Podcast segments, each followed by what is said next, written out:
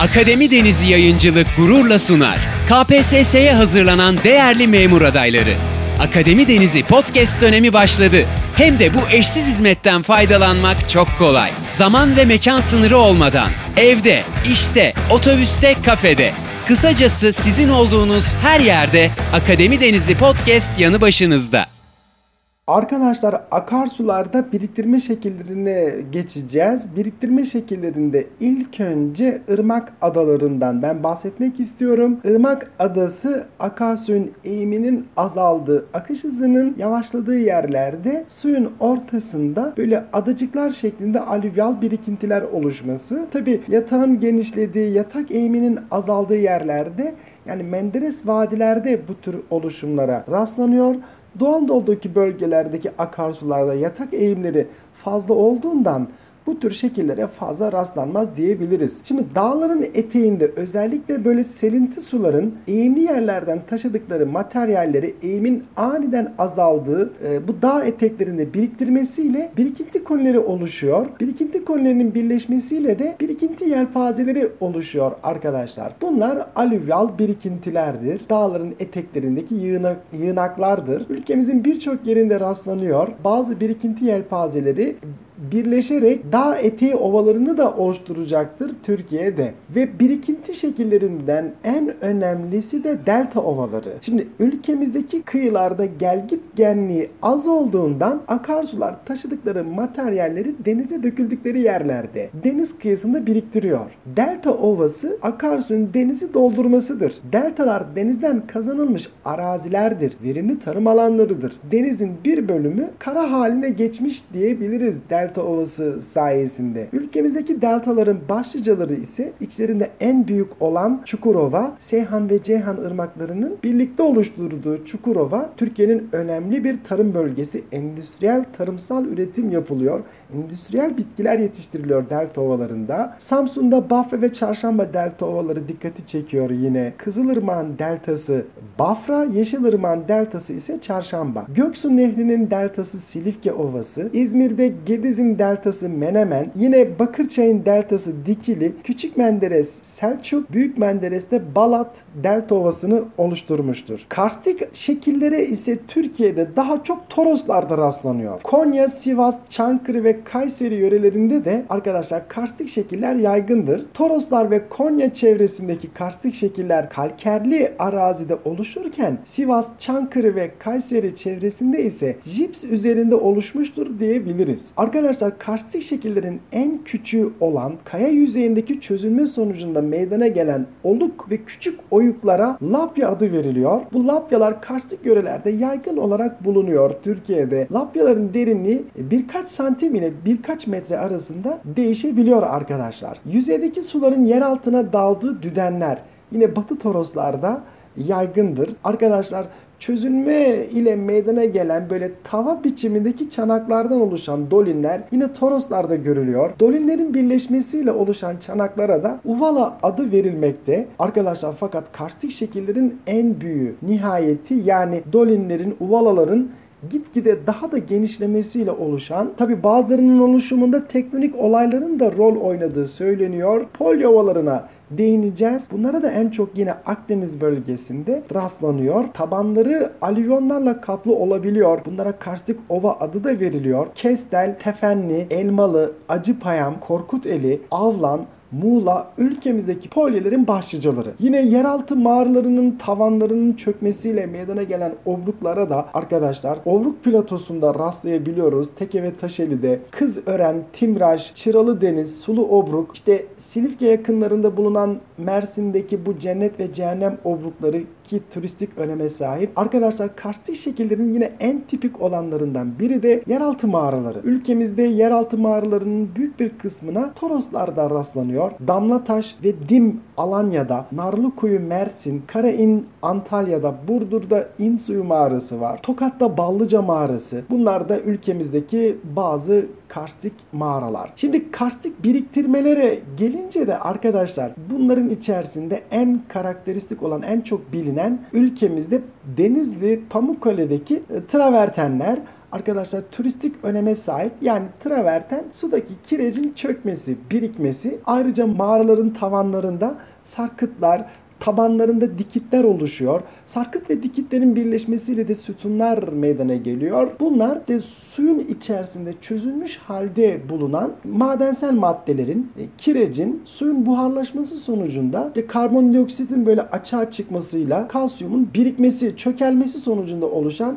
karstik biriktirmelerdir. Rüzgarlara geçeceğiz. Rüzgarların oluşturduğu yer şekillerinde de yine ülkemizde arkadaşlar bitki örtüsünün cılız olduğu kurak iklim bölgelerinde evet akla ilk gelen yerler İç Anadolu'da Konya Ovası'nın olduğu yerde Tuz Gölü çevresinde Güneydoğu Anadolu bölgesinde görülüyor. Konya Karapınar yöresindeki kumul oluşumları dikkati çeken bir rüzgar biriktirme şeklidir diyebiliriz. Yine arkadaşlar bu kumullar eğer hilal şeklini alırsa Barkan adı veriliyor. Barkanlara daha çok çöllerde rastlanıyor ama Türkiye'de çöl yoktur. Bir diğer rüzgar biriktirme şekli ise arkadaşlar löz yani rüzgarın biriktirdiği toprak türü ince taneli kumullar kum diyebiliriz lösler için ve mantar kayada yine rüzgar aşındırmasıyla oluşan yer şekilleridir. Şimdi buzullara ülkemiz orta kuşakta yer aldığı için fazla rastlanmıyor demiştik. Ancak yüksek dağlar dağlarda, Kaçkarlar'da, Ağrı Dağı'nda, Süphan Dağı'nda, Buzul Dağı'nda, Erciyes'te bu Toroslarda işte Orta Toroslar, Aladağlar'da, Bolkar Dağları'nda rastlanıyor. Ağrı Dağı'ndaki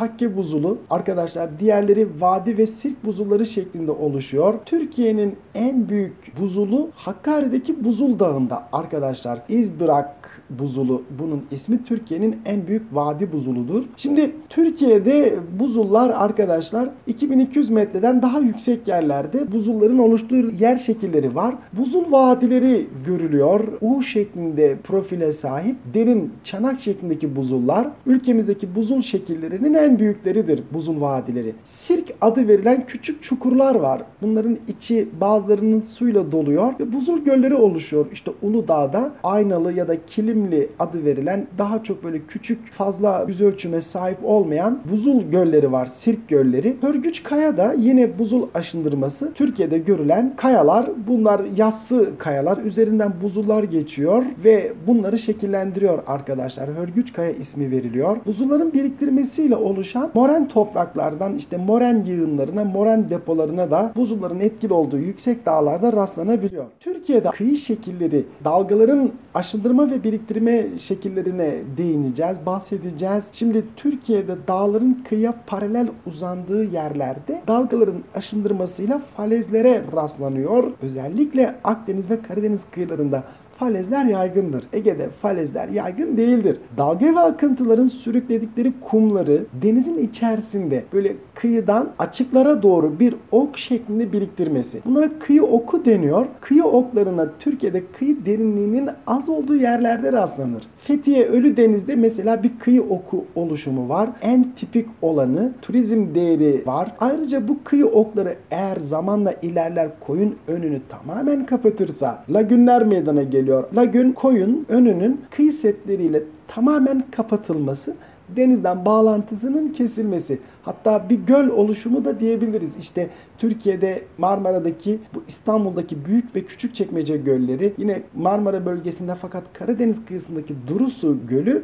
bir dalga biriktirmesidir. Bir lagün örneğidir. Kıyılarımızda görülen dalgaların biriktirme şekillerinden birisi de tombolo. Saplı ada da adı veriliyor. Kıyıya yakın bir adanın kıyı ile arasında dalga ve akıntıların biriktirmesiyle kıyıya bağlanmasıdır tombolo. Yani ada iken yarım adaya dönüşüyor bu sayede dalgaların biriktirmesiyle. Bu tombolo oluşumunun en tipik örneği de ülkemizde Marmara Denizi'nin güneyindeki Kapıdağ Yarımadası ve Sinop şehrinin kurulmuş olduğu yarımada yine bir tombolo örneğidir. Türkiye'de görülen kıyı tiplerinin başlıcaları ise boyuna, enine, Ria ve Dalmatça tipik kıyılar. Arkadaşlar Türkiye'de fiyort kıyı tipi ve Haliçli kıyı tipi yoktur. Şimdi Karadeniz ve Akdeniz'de dağlar kıyıya paralel uzandığı için boyuna kıyı tipi oluşmuş. Falezlerin olduğu, girinti ve çıkıntıların az olduğu kıyı tipidir boyuna kıyı tipi. Dağlar kıyıya paralel uzandığı için deniz etkisinin içeri girmesine izin vermiyor. Boyuna kıyı tipinde ayrıca kıyı ile iç kesimler arası ulaşımın da zor olduğunu söyleyebiliriz. Akarsu vadilerinin deniz altında kalmasıyla arkadaşlar Ria kıyı tipi oluşuyor. Bunların da ülkemizdeki örnekleri Güneybatı Ege'de o Muğla, Bodrum yöresinde, Fethiye yöresinde ve özellikle Çanakkale ve İstanbul Boğazı rastlanıyor. Örnek olarak veriliyor. Unutmayın İstanbul ve Çanakkale Boğazı gelir daha çok sorularda. Bunlar birer Ria kıyı tipidir. Yani eskiden birer akarsu vadisi iken deniz işgaline uğramalarıdır. Enine kıyı tipi ise Türkiye'de Ege kıyıları. Girinti çıkıntının fazla olduğu bu Ege kıyılarında doğal liman sayısı da çok fazla. Dağlar kıyıya dik uzanıyor. Edremit ile Kuşadası arası enine kıyı tipinin en belirgin örneğidir. Ve arkadaşlar Dalmatça kıyı tipi de ülkemizde Finike ile Kaş arasında Antalya'da görülüyor. Kıyıya paralel uzanan dağların deniz altında kalmasıyla dağların zirvelerinin adalara dönüştüğü kıyı tipidir. Dalmatça kıyı tipi Kaş yöresinde vardır Türkiye'de. Büyük ve küçük çekmece lagünlerinin bulunduğu kıyılara da limanlı kıyı tipi diyebiliriz. Bu iki kıyı tipi de limanlı kıyı tipine örnektir. Türkiye'de dış kuvvetler konusu kapsamında ben son olarak erozyondan bahsetmek istiyorum. Daha önce değinmiştik ama bu kez birkaç ayrıntıya daha ben e, dikkatinizi çekmek istiyorum. Erozyon Türkiye'de en önemli sorunlardan biridir. Bitki örtüsünün cılız olması, bitki örtüsünün tahrip edilmesi en önemli sebeptir erozyonda. Tabi arazinin eğiminin fazla olması, yağış rejiminin düzensiz olması da erozyonu artıran doğal etmenler, bitki örtüsünün tahrip edilmesiyle birlikte hayvanların meralarda aşırı otlatılması, tarlaların nadasa bırakılması, tarlaların eğim yönünde sürülmesi erozyonu artıran beşeri etkenlerdir. Arkadaşlar Türkiye arazisi çok şiddetli, orta şiddetli ve hafif şiddetli erozyon bölgelerinden oluşuyor ve Türkiye'de erozyonla mücadele eden vakıf Tema Vakfı erozyon ve çölleşme ile mücadele ediyor, ağaçlandırma yapılıyor ve erozyon bir doğal afet olarak ülkemiz ekonomisine de zarar veriyor, tarımsal faaliyetleri güçleştiriyor. Bugün çıkmış olduğun memurluk sürecinde yeni şeyler öğrenerek hedefine biraz daha yaklaştın. Akademi Denizi Yayıncılık olarak her zaman yanındayız. Yeni bir derste görüşmek üzere.